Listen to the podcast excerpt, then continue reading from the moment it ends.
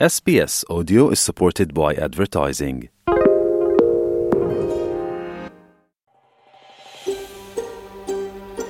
Вие сте со SPS на Македонски. Слушнете повеќе прилози на sps.com.au козацрта на Седонин. Вие сте со SPS Audio на Македонски, а со вас е Маргарита Василева. Болеста поврзена со коските им нанесува значителна штета на австралиците без да бидат свесни за тоа.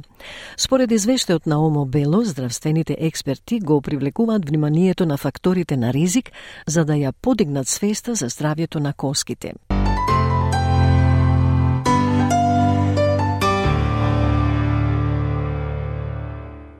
Коските може да ви се влошат без ваше знаење.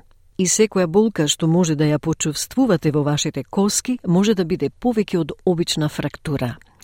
Тоа всушност може да биде состојба позната како остеопороза. Тоа е безболна болест која води до намалена јачина на коските и зголемен ризик од фрактура – Специјалистот ендокринолог доктор Чен Уейвен од болницата Сен Винсенс во Сиднеј вели дека состојбата може да биде доста сериозна. Остеопорозата во основа вели таа е сочинета од два дела. Првиот дел се однесува на квалитетот на коската, а вториот на структурата на коските. Кога нема доволно коска и коскената маса не е толку густа, резултатот е зголемен ризик од факторите на ризик.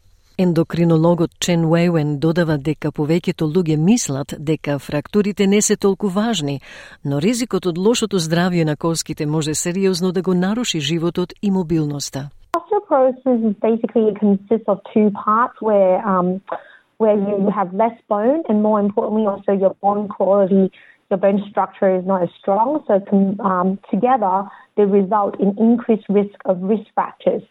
And I know that most people might think fractures are not that important, but if you can imagine just the risk for poor bone health, it can severely disrupt your life and mobility. Остеопорозата е честа појава кај постарите луѓе, а податоците покажуваат дека 66 од 100 австралиците на возраст од 50 и повеќе години живеат со лошо здравје на коските. Но не се само постарите луѓе кои се изложени на ваков ризик – Кимбели е 43 годишна мајка на две деца која се справува со остеопороза поврзана со бременоста. Проблемот кај неа започна на 31 годишна возраст, кога таа го роди второто дете. My journey started when I was 31. Um, I had just given birth to my second child, and within the immediate weeks following her birth, I started experiencing severe back pain. Um, so initially I just thought it was the result of, you know, having given birth and having a newborn and also a toddler. But as time went on, uh, the pain just got so bad that I couldn't function. Но како што одминуваше времето, болката стануваше толку силна што не можела да функционира и морала да оди на лекар. Незиниот фамилиарен лекар предложи дека тоа е болка во мускулите поради пороѓајот и грижата за двете деца. Кимбали вели дека била потребна средба со неколку медицински професионалци за да добие соодветна диагноза. По првата диагноза, истите симптоми и болки продолжија и Кимбали се обрати кај втор лекар, кој ја даде истата диагноза. As time went on, uh, the pain just got so bad that I couldn't function. So I ended up going to my GP and he suggested that it was muscle pain um, due to the birth and looking after both of my kids. Um, and I sort of, I sort of felt like that wasn't right. But at the time, I was so exhausted, you know, lack of sleep and whatnot. So I just sort of went with it. Um, and then a week or two later, it hadn't gotten any better. So I went for a second opinion to a different GP and I had the same result, which was really disappointing. Кимбели трпела силни болки неколку недели пред да заврши во болница. Еден од консултантите, вели Кембели, забележа дека имала тешка кривина на рбетот, пошто уследи рентгенска слика, а потоа и диагнозата дека има остеопороза. One of the consultants actually noticed that I had a severe curve in my spine, and that's when they ordered x rays. Um, and looking at the x rays, that's when they discovered that I may have osteoporosis as I had three crush fractures in my spine. So, um, once he said that, I actually smiled and he was like, Oh my gosh, I've never had anyone smile when I've given them this diagnosis. And it was just because of the relief that I felt because I knew deep down all along that there was something more going on than just muscle pain. Healthy Bones Australia е организација која се фокусира на намалување на скршените коски и подобрување на здравјето на коските. Ова тело објави извештај насловен Know Your Bones, во кој се зборува зборува за ризикот во заедницата со цел да се подигне свеста кај луѓето и ги охрабри да ги проверат нивните коски. Извештајот вклучува податоци од 104.000 австралици кои имаат преземено превентивна алатка за самооценување преку интернет за да им помогне на луѓето да го сватат потенцијалниот ризик на оваа состојба. Председавачот на Healthy Bones Australia, професорот Питер Иблинг, вели дека извештајот открива значително недоволно испитување и несоодветен третман кај оние кои се изложени на ризик. Професорот Ибелинг вели испитани се 104.000 австралици кои се обратија на веб страницата Know Your Bones, преку која открија дека повеќе од еден од двајца од тие пациенти немале тест за густината на коските откако имале скршеница. Исто така, околу 80% не биле на третман за остеопороза, откако имале скршена коска поради остеопороза. Значи, ова открива дека има малку празнина во третманот и дека треба да се поттикнат луѓето да размислат за здравјето на нивните коски, особено ако имале скршеници кои треба да се проверат и да се иницира третман за остеопороза. What we did was to survey the 104,000 Australians that have already taken up uh, the Know Your Bones uh, website.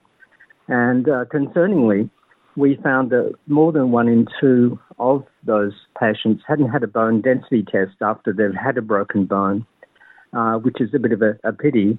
And also, um, about 80% weren't on treatment for osteoporosis after they'd actually had a broken bone due to osteoporosis. So this um, reveals that there is a bit of a, a gap in treatment and that we need to urge people to think about their bone health. And in particular, if they've had a broken bone, they really need to be investigated and initiated on treatment for osteoporosis. Извештајот Know Your Bones од 2023 година покажа дека 52% од испитаниците кои пријавиле скршена коска биле на возраст од помеѓу 50 и 69 години, а речиси 25% од оние над 70 години со ризик фактори за остеопороза не направиле тест за минерална густина на коските BMD. Иако извештајот од 2023 година открива дека половината од сите фрактури се случуваат кај возрастни постари од 50 години, 25% од фрактурите на коските се случиле под таа возраст. Кимбели, која доби скршеница на рбетот поради носењето на своето бебе, вели дека здравјето на коските е важно за луѓето од сите возрасти и сите фрактури треба да се сватат сериозно. People do associate osteoporosis and bone health with older people.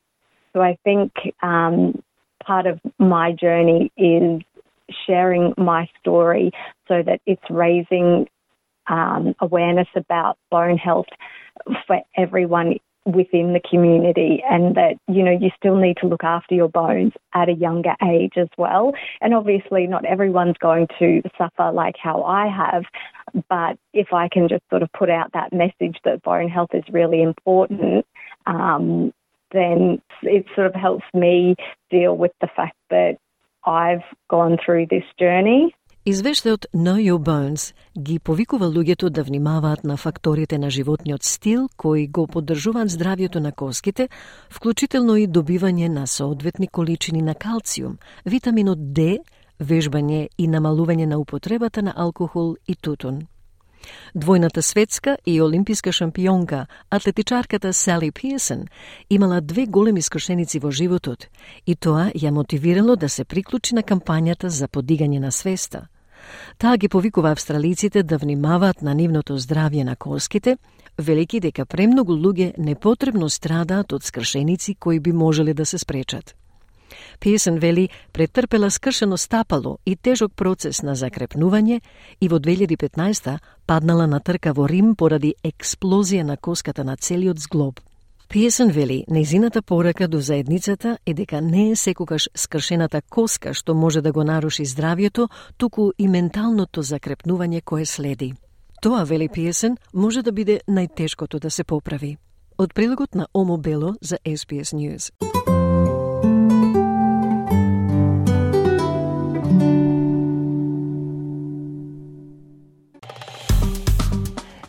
Стиснете, ми се допаѓа, споделете, коментирајте. Следете ја SPS на Македонски на Facebook.